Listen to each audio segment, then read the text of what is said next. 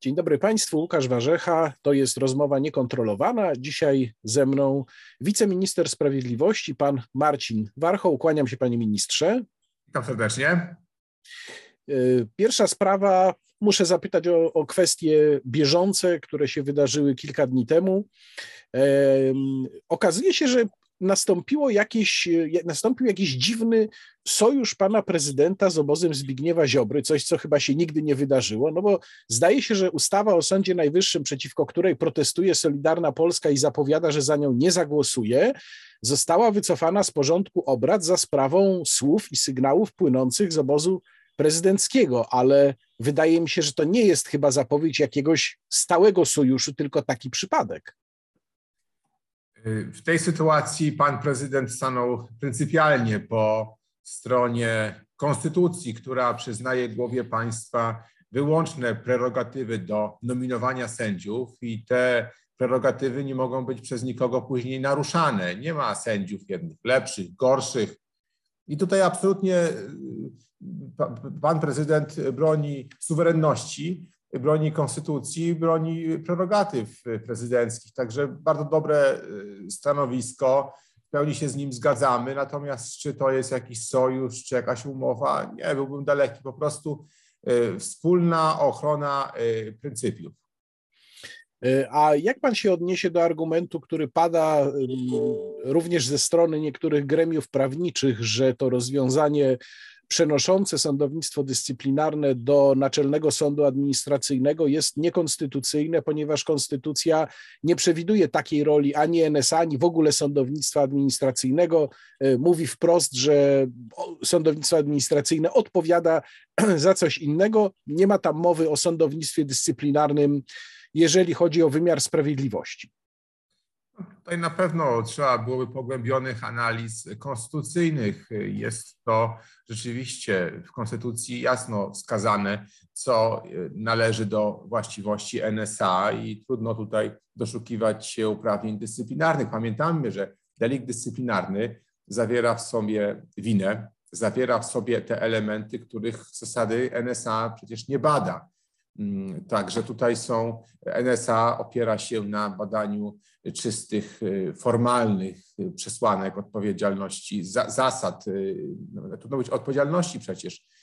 Natomiast pytanie jest szersze odnośnie kwestii związanych przede wszystkim z, z, z tak zwanym testowaniem sędziów. To jest kluczowe, prawda? Czy obywatele, którzy czekają na szybki wyrok w sprawnym postępowaniu, powinni Mm, obawiać się, że jeden z członków składu sędziowskiego jest politykiem w todze, który zechce nagle testować swojego kolegę. No nie, nie skazujmy ludzi na to, żeby czekali miesiącami, latami na wyrok. Nagle zachciało się jednemu z sędziów robić politykę ponad głowami czy kosztem obywateli. No bo o to tutaj chodzi de facto, prawda? To testowanie, którego nie zna żaden inny system prawny, więc Komisja Europejska jest po prostu bezczelna w takich żądaniach, bo chce tutaj u nas prowadzić chaos, anarchię. W żadnym innym kraju takiego testowania nie ma. Nagle chce robić sędziów lepszych, gorszych. No, tych 300, pan prezydent wspomniał o 300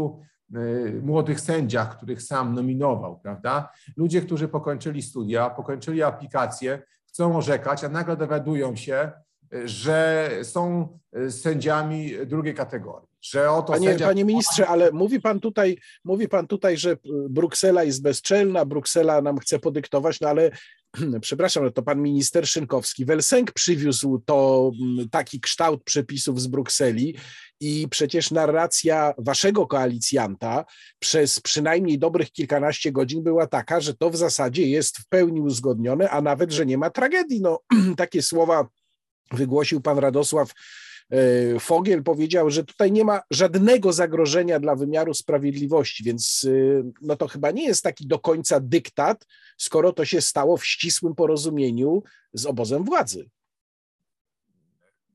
Nie, nie twierdziłbym, że e, Prawo i Sprawiedliwość w, tej, w tej sprawie też mówiła jednym głosem, bo proszę zobaczyć, pan minister Przemysław Czarnek miał odrębne zdanie, twierdził, że to jest niezgodne z konstytucją. Pani marszałek Witek też zaznaczyła, że nikt nam tutaj z zewnątrz nie będzie przewracał naszego systemu prawnego, systemu konstytucyjnego. Pamiętajmy, że mamy wyroki Trybunału Konstytucyjnego, a nawet przecież jest wyrok Trybunału Sprawiedliwości Unii Europejskiej, który stwierdził, że y, y, prezydenckie nominacje nie mogą być przez nikogo później kwestionowane. Tak, to sam CUE tak stwierdził. Nagle co, komisja y, sprzecznie z wyrokami CUE chce nam tego typu system narzucać? Więc, ale na spokojnie, ustawa została zdjęta, będzie przedmiotem konsultacji i te, te, te konsultacje będą miały miejsce, mamy czas, możemy o tym dyskutować. E, ostatnia kwestia w tym wątku. Pan prezydent w swoim wystąpieniu, kiedy ogłaszał weto do Lex Czarnek, do tej ustawy e, edukacyjnej, powiedział również, że cały czas e, zastanawiamy się, czy cały czas nie wiemy, kto właściwie stworzył nasz KPO w takim kształcie, w jakim on jest. Solidarna Polska tutaj też podnosiła wielokrotnie mm, różne zastrzeżenia. Ja no, słyszałem od niektórych polityków waszej partii, że w zasadzie to nie wiadomo, jak tam różne punkty się znalazły. No więc nie zapominajmy, że poza kwestiami wymiaru sprawiedliwości to są właśnie również te e, inne sprawy, takie jak opłaty za drogi ekspresowe, dodatkowe podatki od e, aut spalinowych i tak dalej. Jaki jest wasz stosunek do tej sprawy? No bo mm, wszyscy się skupiają na ustawie o Sądzie Najwyższym, no ale przecież cały czas mamy gdzieś w tyle głowy, że tam jest mnóstwo tych innych rzeczy do wypełnienia. I co z tym? Tak, rzeczywiście. Tutaj, dlatego wczoraj pan minister Zbigniew Ziobro poprosił o debatę w tej sprawie z panem premierem, żebyśmy uzyskali odpowiedź, kto y, negocjował i jakie, jak te negocjacje przebiegały, bo rzeczywiście y, z punktu widzenia zwykłego obywatela to są bardzo niepokojące zapisy o tych samochodach spalinowych, o y, które no, w tej chwili y, mogą, samochodach elektrycznych czy, czy, czy różnego rodzaju obowiązkach, ciężarach nakłady, nakładanych na obywateli. I tutaj absolutnie musimy być odpowiedzialni. Nie możemy na siebie przyjmować zobowiązań, które doprowadzą do ruiny naszych rodaków w niedługim czasie. Y, perspektywa jest bardzo krótka przecież, tak? I absolutnie nie możemy nakładać na siebie zobowiązań, które, y, które będą przeciwko nam później y, się, się przekręcać, bo, bo tutaj jest to, jest to bardzo niebezpieczne, są tam bardzo niebezpieczne rozwiązania i mam nadzieję, że taka debata będzie miała miejsce, o którą wczoraj pan minister Zbigniew Ziobro wystąpił. No to przejdźmy teraz do kwestii kodeksu karnego. Nie wiem, czy pan wie, jak złośliwie jedna ze zmian w kodeksie, którą wprowadziliście, jest nazywana. E, być może pan słyszał program Złodziej Plus. Nie wiem, czy pan słyszał. Program Złodziej Plus to jest podwyższenie granicy, od której zaczyna się przestępstwo, a kończy się wykroczenie związane z kradzieżą z 500 do 800 zł. E, przeciwko tej zmianie apelowali handlowcy. No, ministerstwo nie wysłuchało tej branży, która e, ma konkretne straty z powodu kradzieży przede wszystkim w sklepach. Jednocześnie mamy takie raporty na razie anegdotyczne, ale o tym, że właśnie liczba tego typu kradzieży Y, no dosyć wyraźnie rośnie, co pewnie jest związane z y, ubożeniem społeczeństwa. Natomiast też wiele osób wskazuje na to, że ta podwyżka granicy jest no znacznie wyższa niż skumulowana inflacja. Więc y, dlaczego tak postanowiliście ją ustawić? Otóż zawsze to było jedna czwarta płacy minimalnej. W tej chwili wynosi płaca minimalna 3010 zł. Od 1 stycznia już niebawem będzie wynosiła dużo więcej, aż 3490 zł. Natomiast zaledwie po pół roku będzie to 3600 zł. Zawsze to była ćwierć płacy minimalnej. W związku z tym, gdy to wprowadzaliśmy kilka lat temu, płaca minimalna była na dużo niższym poziomie i stąd te 500 zł. Dziś to te 800 zł pomnożone przez 4 no właśnie, to jest to, ta, ta rewaloryzacja, która jest tutaj konieczna, prawda, w związku z podwyższeniem płacy minimalnej i, i, i, i to były te cele ale czy nie warto było wysłuchać jednak handlowców i zwrócić uwagę na to, że rzeczywiście postępujące jednak będące faktem po prostu. Zubożenie społeczeństwa będzie powodowało, że ludzie będą tę okazję wykorzystywali. No, kara za wykroczenie jest bez porównania niższa, nawet za taką prostą kradzież, niż za y, przestępstwo. Ale zobaczmy, że jeżeli już tych, y, będzie tych czynów dużo więcej, to robi się z tego przestępstwo. Mamy szereg y, działań, które rzeczywiście, jeżeli przekroczą tę kwotę, no to zrobi się z tego przestępstwo. Już można sprawcy pociągać odpowiedzialności karnej, to po pierwsze. Po drugie, odpowiedzialność wykroczeniowa jest dużo szybsza. Wielu y, bardziej boi się odpowiedzialności za wykroczenie niż za przestępstwo. Wykroczenie przedawnia się w krótkim okresie. Czynności y, y, policji w ciągu 30 dni to nie dochodzenie żmudne prowadzone przez policję pod nadzorem prokuratora jeszcze z całym szeregiem bardzo skomplikowanych, biurokratycznych czynności, które rozłożone są na długie miesiące, a nawet lata. Dlatego też ja bym przestrzegał przed takim hura optymizmem wszystkich złodziei, którzy myślą, że oto za wykroczenie nie ma odpowiedzialności. Nie, jest bardzo szybka i surowa. Więc tutaj absolutnie nie ma e, żadnych e, twierdzeń, nie można twierdzić, że zostało zniesione, że nie ma tego czynu. Absolutnie nie. Wielu by się zdziwiło, że za odpowiedzialność za wykroczenie zdecydowanie często przekracza swoją surowością odpowiedzialność karną. E, to jest raz, a dwa jest po prostu zdecydowanie szybsza. Panie ministrze, czy y, organizm Maltańczyka lub Luksemburczyka różni się czymś zasadniczo od organizmu Polaka? Czy pan wie, dlaczego zadaję to pytanie? Przyznam się, że nie. Zadaję to pytanie dlatego, że w Luksemburgu i na Malcie dopuszczalna zawartość alkoholu we krwi kierującego pojazdem to jest 0,8 promila. Natomiast wy wprowadziliście e, bardzo restrykcyjny przepis, o którym teraz chcę dłużej porozmawiać, czyli przypadek pojazdu kierowcy. Mówi się ogólnie pijanego, ale to też nie jest takie proste. E, no jednak kierując się bardzo arbitralnie ustawionymi granicami tego, co jest stanem e, po spożyciu alkoholu i stanem nietrzeźwości, no bo takie dwa stany występują w polskim prawie. Y, czy tutaj panu coś nie zgrzyta? Zresztą Polska z, tym, y, z tą granicą ustawioną na 0,2 czyli ta pierwsza granica, jest też w mniejszości państw europejskich, w większości ta granica jest wyżej, najczęściej na 0,5 promila. Otóż różne kraje mają różny poziom tolerancji dla kierowców, jeśli chodzi o alkohol.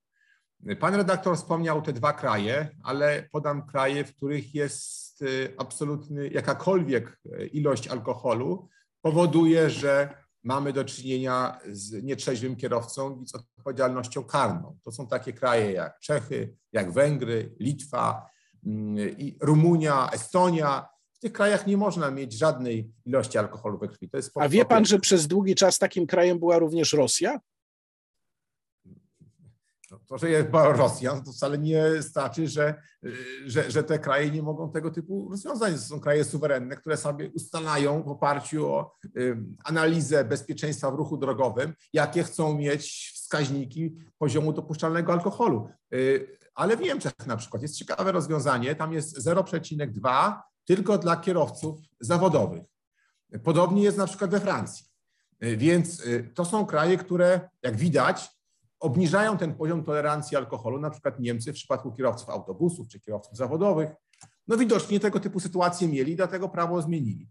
W naszym kraju również to prawo jest zmieniane z punktu, patrząc na praktykę. To praktyka wymusza tego typu zmiany. Panie redaktorze, rok temu w moich rodzinnych stronach pod Stalową Wolą pijany kierowca zabił na ulicy trójkę, y, y, trójce dzieci, odebrał rodziców.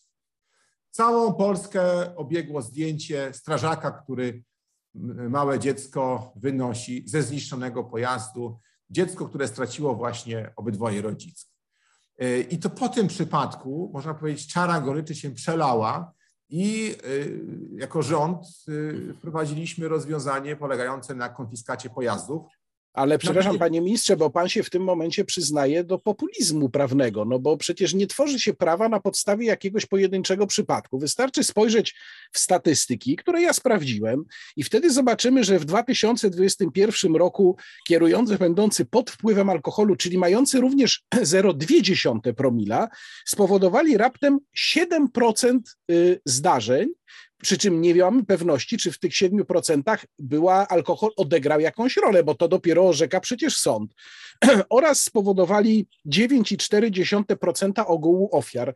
No to mam wrażenie, że mówimy o zjawisku raczej marginalnym, a wyście wyciągnęli najcięższe możliwe działa, bo przypadek własności niepochodzącej z przestępstwa, czyli uderzenie we własność prywatną legalnie posiadaną, no jest moim zdaniem najcięższym działem. Narzędziem przestępstwa w tym wypadku jest samochód. No niewątpliwie samochodem, gdyby nie było samochodu, nie doszło do przestępstwa. I przypomnę, że już w 2007 e, była e, konfiskata pojazdów. E, około tysiąc pojazdów zostało skonfiskowanych, ale wyrok Sądu Najwyższego sprawił, że to, co wtedy zostało wprowadzone, nie mogło być dalej kontynuowane. Sąd Najwyższy podniósł wątpliwości konstytucyjne no i te, ale jednocześnie stwierdził, że y, można w ustawie tego typu rozwiązanie wprowadzić, jeżeli ustawodawca dostrzega taką potrzebę. No i proszę zobaczyć, y, mamy, pan redaktor podał te statystyki, ale ja podam inne. 212 osób zginęło w ubiegłym roku z ręki pijanych kierowców. 212 niepotrzebnych śmierci. 1917 osób odniosło obrażenia. To są tragedie do końca życia. Ktoś musi jeździć na wózku inwalidzkim, ktoś stracił ojca, matkę, dzieci. E, I dlatego też e, proszę zobaczyć, że te samochody, które są narzędziami przestępstwa, będą odbierane nie w przypadku pół promila, półtora promila. To jest trzy razy więcej niż zwykły poziom nietrzeźwości. No nie, nie, panie ministrze, półtora promila to jest wtedy, kiedy ktoś zostaje złapany po prostu na prowadzeniu. Nawiasem mówiąc, nie musiał spowodować żadnego zagrożenia, mógł 100 metrów przejechać i to już wystarczy, żeby mu zabrać samochód. Natomiast no, w przypadku recydywy lub w przypadku spowodowania wypadku wystarczy pół promila. No, wypadek, czyli ktoś odniósł obrażenia. Gdyby nie alkohol i gdyby nie samochód, te dwa elementy, nie doszło do wypadku. Ale nie, tego pan nie wie, ponieważ o tym, czy alkohol odegrał jakąś rolę, orzeka sąd na podstawie opinii biegłych. Może się okazać, że ktoś miał alkohol we krwi, nie miało to żadnego wpływu na spowodowanie przez niego wypadku. Mamy, zasada jest jedna. Alkohol nie stanowi okoliczności łagodzącej ani okoliczności dodatkowej. E, alkohol jest wyłącznym e, obciążeniem, okolicznością obciążającą. Tak zostały sformułowane przepisy, że jazda stanie, w stanie nieczeźwości jest po prostu przestępstwem, więc e, tutaj kwestia badania przez biegłego, no to jest kwestia na przykład badania kwestii, nie wiem, szybkości, czy szybkość się przyczyniła i tak dalej, ale alkohol sam z siebie jest tym elementem, który sprawił, że do wypadku doszło. Czy, czy kierowca, gdyby kierowca nie był pod wpływem alkoholu, to, to, to, to miałoby zupełnie inną kwalifikację prawną, prawda? Przy... Kwalifikację prawną tak, natomiast nie znaczy to, że alkohol się przyczynił. No panie ministrze, przecież o tym orzeka sąd dopiero w trakcie procesu. Dlatego kto pije, ten nie powinien jechać po prostu. Alkohol jest okolicznością naganną i po alkoholu się do samochodu nie wsiada po prostu. To tak jak Panie ministrze, czy... bo to po narkotyki tak samo się, to mówimy wiele o alkoholu, ale tu chodzi też o kierowców odurzonych. Mamy tak, to prawda, przepis też o tym mówi. Tak, jeżeli ktoś się wprawia w stan alkoholu, w stan y, po spożyciu alkoholu, w stan nieczeźwości, powinien się liczyć z tym, że to będzie okoliczność obciążająca. To tak samo jak w miejscu pracy. Mamy takie prawo, że jeżeli ktoś podejmuje czynności po alkoholu zawodowe, służbowe, to też odpowiada. E, no odpowiada, tylko że nie zabieramy mu wtedy domu, samochodu, nie wiem, mebli z domu i tak dalej. Ale to narzędzie, ten samochód służyło do wyrządzenia komuś krzywdy. Tak Tego jak... nie wiemy. Dla te, panie ministrze, no cały czas pan się, że tak powiem, ślizga po tych przepisach niekoniecznie służyło. Półtora promila, mówię, 100 metrów przejechane z bramy do bramy, żadnego zagrożenia, człowiek traci samochód. E, dlatego e, te przepisy mają też znaczenie prewencyjne. Kary muszą być odpowiednio tak sformułowane, żeby odstraszały od popełniania przestępstw na przyszłość i gwarantuję, że te przepisy przyczynią się do spadku y, nieszczęść na polskich drogach. A na tak jakiej jak... podstawie pan to gwarantuje, panie ministrze? Czy wyście zrobili jakieś badania, które potwierdzają, że wprowadzenie tego przepisu do kodeksu karnego w jakikolwiek sposób wpłynie na liczbę takich zdarzeń? Czy macie jakieś analizy? Te analizy są z innych krajów, gdzie wprowadzenie takich rozwiązań w wielu krajach europejskich one obowiązują i spowodowały ten spadek, tak, po, po pierwsze. Po drugie, E, niedawno wprowadzone przepisy dotyczące wysokości mandatów też spowodowały poprawę bezpieczeństwa. O przeszło 60% zmalała liczba zdarzeń polegających na przekroczeniu prędkości. Czyli kierowcy kalkulują, wiedzą doskonale, jakie obowiązują przepisy i dwa razy się zastanowi jeden z drugim, gdy wsiądzie po alkoholu za kierownicę. Zwłaszcza teraz jest zima, wieczór, krótki dzień. Na wiejskich drogach dzieci wracają ze szkoły, ludzie idą do pracy, z pracy, ciemno rano, ciemno wieczorem. Absolutnie musimy się troszczyć o tych niewinnych, słabszych. Pamiętajmy, że zawsze najsłabszym elementem na drodze jest pieszy. Jest Panie ministrze, ja panu podam przykład, do jakiej sytuacji mogą doprowadzić uchwalone przez Sejm przepisy zaprojektowane przez was. Otóż może się zdarzyć, że będzie pan miał kompletnie pijanego, załóżmy 3 promile alkoholu, e, kierowcę autobusu zawodowego, który doprowadzi do śmierci części swoich pasażerów i jeszcze kogoś na drodze i on dostanie karę w postaci nawiązki. Przypominam, zaczyna się ta kara od 5 tysięcy złotych, czyli teoretycznie może to być 5 tysięcy złotych. Ktoś inny spowoduje wypadek mając pół promila alkoholu i w tym wypadku jedna osoba zwichnie sobie bark i ten ktoś straci samochód za 300 tysięcy złotych. No, czy pan naprawdę nie dostrzega tutaj kompletnego braku proporcji, braku logiki? Jeżeli chodzi o ten pierwszy przypadek y, kierowcy, rzeczywiście takie sytuacje miały miejsce w lecie 2020 w Warszawie. Mieliśmy dwa przypadki w krótkim odstępie czasu. Widzimy, do jakiej to tragedii prowadzi.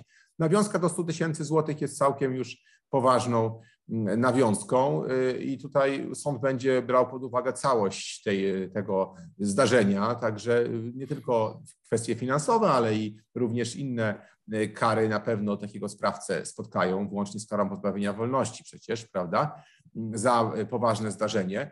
Natomiast w drugim przypadku y, drogi samochód. No, pamiętajmy, że zawsze sąd również przy grzywnie, to już dzisiaj to obowiązuje. Skazując sprawcę, bierze pod uwagę jego tak zwane warunki majątkowe, bo kary powinny być proporcjonalne w stosunku do tego, ile sprawca zarabia. Biedniejsi jeżdżą gorszymi samochodami, tańszymi, bogatsi jeżdżą droższymi samochodami. To jest oczywiste, tak? W związku z czym każdy straci samochód na miarę jego możliwości. Ale panie ministrze, to wcale nie jest oczywiste. Są różne formy leasingu, wynajmu długoterminowego. Wcale to nie oznacza, że jeśli ktoś jeździ, dajmy na to Lexusem za 250 tysięcy, to jest niesamowicie bogaty.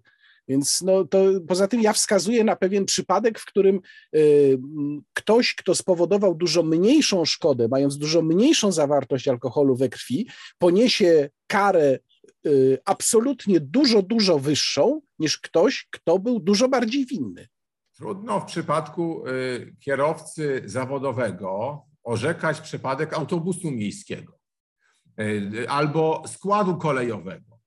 Y, dlatego też ta nawiązka do 100 tysięcy złotych jest to racjonalna nawiązka. Jeżeli będzie problem, takich przypadków będzie coraz więcej i sądy będą orzekać w niskich rozmiarach te nawiązki za poważne czyny, no to wtedy będzie można zawsze to podnieść, prawda? Natomiast nie możemy orzekać, tak jak powiedziałem, w przypadku autobusów miejskich czy, czy y, pociągów. Natomiast co innego już jest z przypadkiem samochodu. Przypadek samochodu, ten najbardziej dotykający sprawcę, no to jest ta prewencja, że nikomu innemu krzywda się już nie stanie. Tym Ale sprawcę i jego rodzinę, panie ministrze, również. Poza tym zawsze można sobie kupić nowy samochód. Ale każde przestępstwo wywołuje konsekwencje również dla rodziny. Jeżeli przestępca kogoś napadnie na ulicy, pobije, to tak samo to, i pójdzie do więzienia, tak samo nie będzie mógł zarabiać, dzieci nie będą mieć pieniędzy, żona będzie też musiała sama pójść do pracy albo szukać innych źródeł zarobkowania. Każde przestępstwo pociąga konsekwencje dla. No ale w tym wypadku to jest dodatkowa kara, bo w przypadku współwłasności przypominam, że trzeba zapłacić równowartość pojazdu, więc y, to jest dodatkowe ale... obciążenie. To nie jest tylko to, że sprawca idzie siedzieć ale samochód zostaje w rodzinie.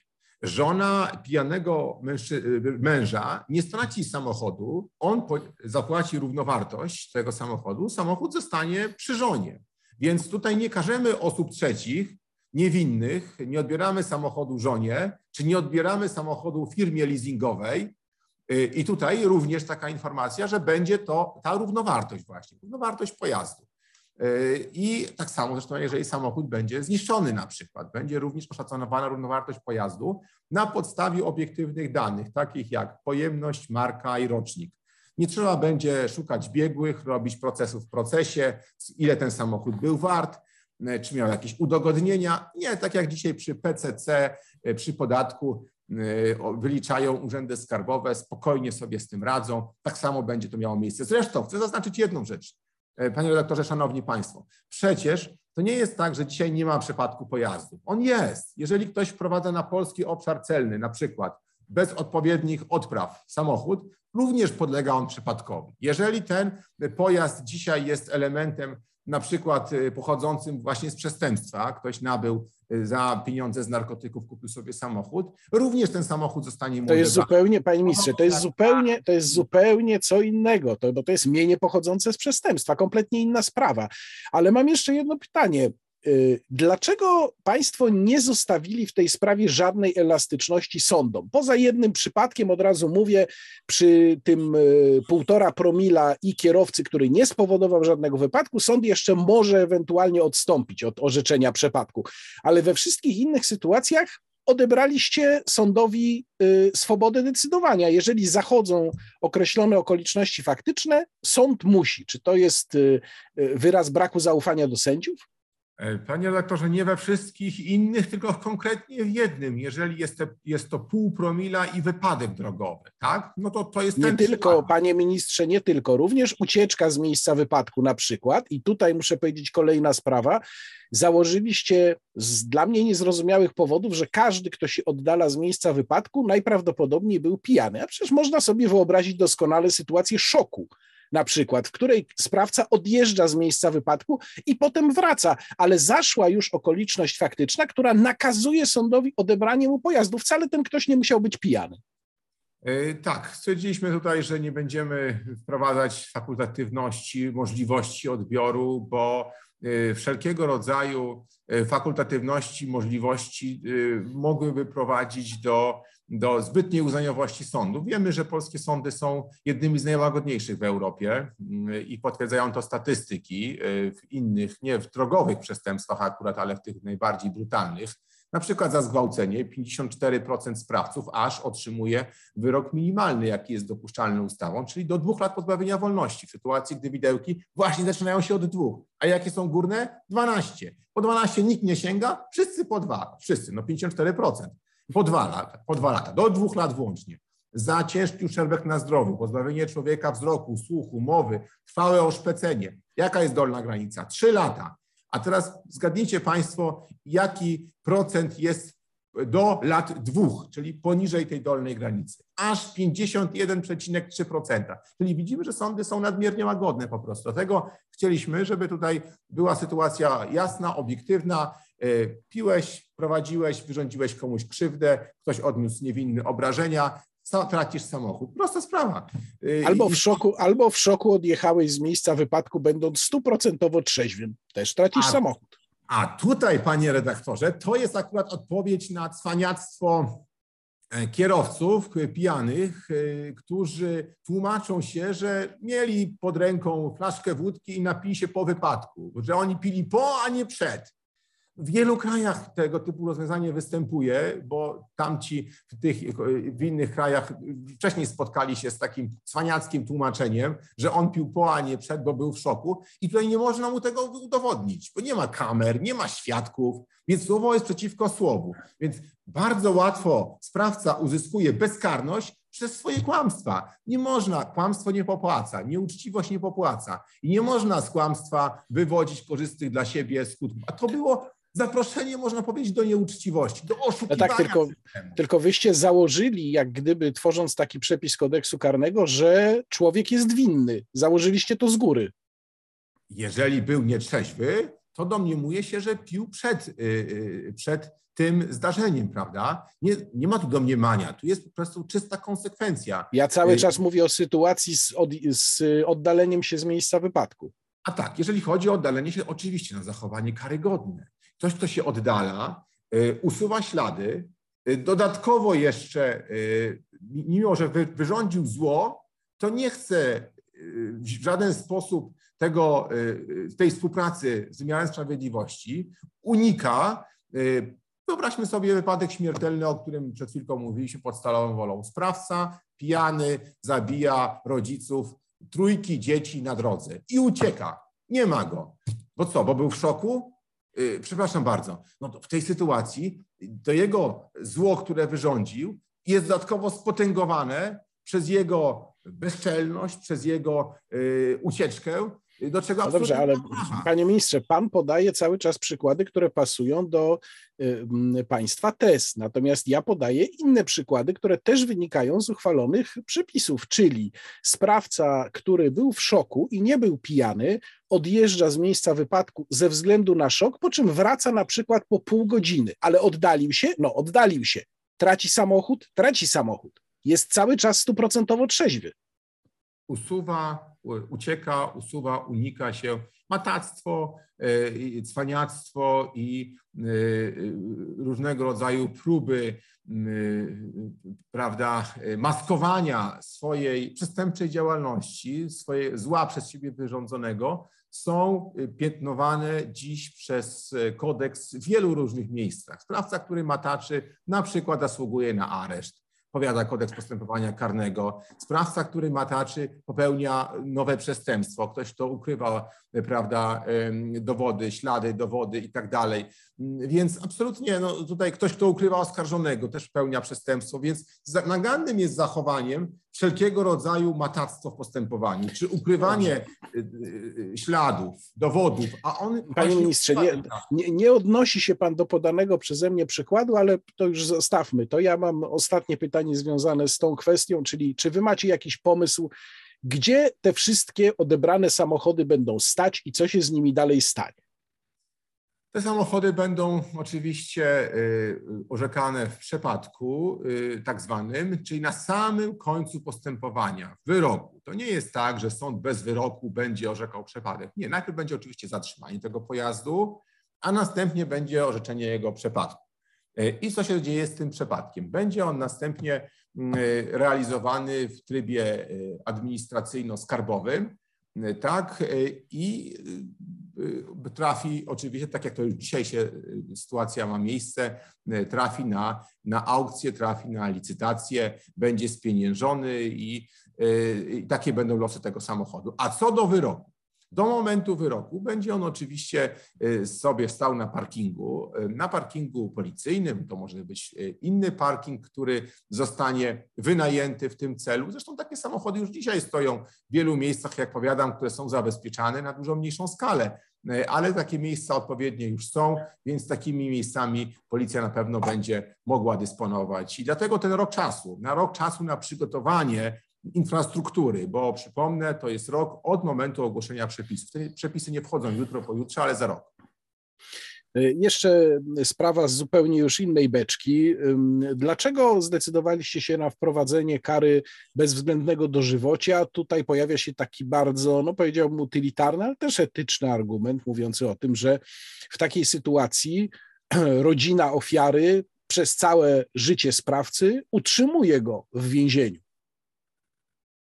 Czy rodzina go utrzymuje? No, trudno powiedzieć, że rodzina go utrzymywała, utrzymuje go państwo poniekąd, prawda? A my wszyscy za niego płacimy, podatnicy, ale mm, tutaj o co innego chodzi. Chodzi o mm, y, odstraszenie tych, którzy popełniają ponownie czyn, bo przypomnę, tego typu sytuacja dotyczy osób, które już raz popełniły ciężkie przestępstwo przeciwko życiu, zdrowiu, wolności seksualnej, terrorystyczne i zostały skazane na karę dożywotniego pozbawienia wolności albo 20 lat i ponownie popełniły tak okrutny czyn i dostały ponowne dożywocie, czyli ciężkich, najcięższych recydywistów.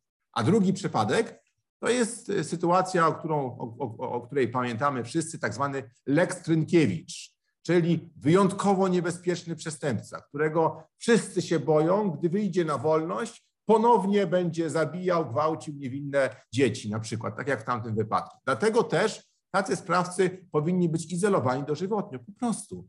E, co zresztą pokazują przykłady w innych krajach. To nie jest tak, że te przepisy naruszają prawa człowieka. W Wielkiej Brytanii w tej chwili około 80 takich delikwentów siedzi dożywotnio i, e, i, i z Rady Europy nikt Wielkiej Brytanii nie wyrzuca przecież przez to, prawda? To ma funkcję odstraszającą i sprawiedliwościową. Nie mamy kary śmierci, natomiast powinna być w przepisach, w prawie ta ostateczna sankcja, której się wszyscy będą bać, dwa razy się zastanowią. Kary nie tylko powinny być nieuchronne, ale powinny być też mieć funkcję odstraszającą. Więc to ta, ta zmiana filozofii kodeksu karnego, którą wprowadziliśmy, właśnie to zakłada. To nie jest tak, że my odstępujemy od resocjalizacji. Nie. Też rozszerzyliśmy możliwości zakładania obrączek. Ponad 90% więźniów pracuje, a najlepszą resocjalizacją jest właśnie praca.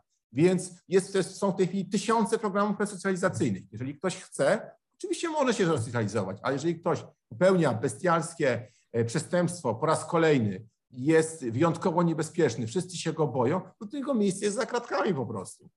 No i ostatnia kwestia, panie ministrze, obniżyliście również wiek, od którego y, niepełnoletni może odpowiadać jak dorosły do 14 lat, z 15 do 14 lat. No to się wydaje jednak już bardzo niską granicą i można sobie zadać pytanie, czy taka osoba w wieku 14 lat rzeczywiście mm, ma wystarczającą dojrzałość, żeby karać ją za czyn, nawet taki no bardzo odrażający, jak dorosłego. No to właśnie, chodzi o to, co pan redaktor powiedział na końcu. Y, zabójstwo ze szczególnym okrucieństwem, prawda? Wyjątkowo brutalne przestępstwo, jeżeli ktoś e, popełnia takie, tego typu czyn, to y, jest rok młodszy niż to byłoby wcześniej przed zmianą przepisów, to absolutnie powinien odpowiadać jak dorosły. Z jednym zastrzeżeniem. Nie będzie dożywotniego pozbawienia wolności. Dla tych 14-latków tej kary ostatecznej nie będzie jednak, więc ta szansa na poprawę jest zawsze. Ale pamiętamy te brutalne przestępstwa, zabójstwa rodziców, okrutne, bestialskie, Y, I tutaj również y, niestety mm, bardzo y, ta nienawiść w internecie, w życiu powszechnym potęguje i coraz młodsi niestety przejawiają coraz bardziej agresywne, często niestety bestialskie zachowania, co widać po, po, po przykładach, o których często Państwo jako dziennikarze mówicie, które się zdarzają. Dlatego też tego typu rozwiązanie wprowadziliśmy, ale podkreślam, jedynie do najbardziej okrutnych przestępstw zabójstw i bez dożywotniego pozbawienia wolności.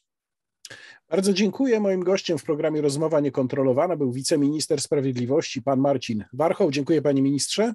Bardzo dziękuję panu rektorowi, państwu kłaniam się. Łukasz Warzecha, Rozmowa Niekontrolowana. Do zobaczenia.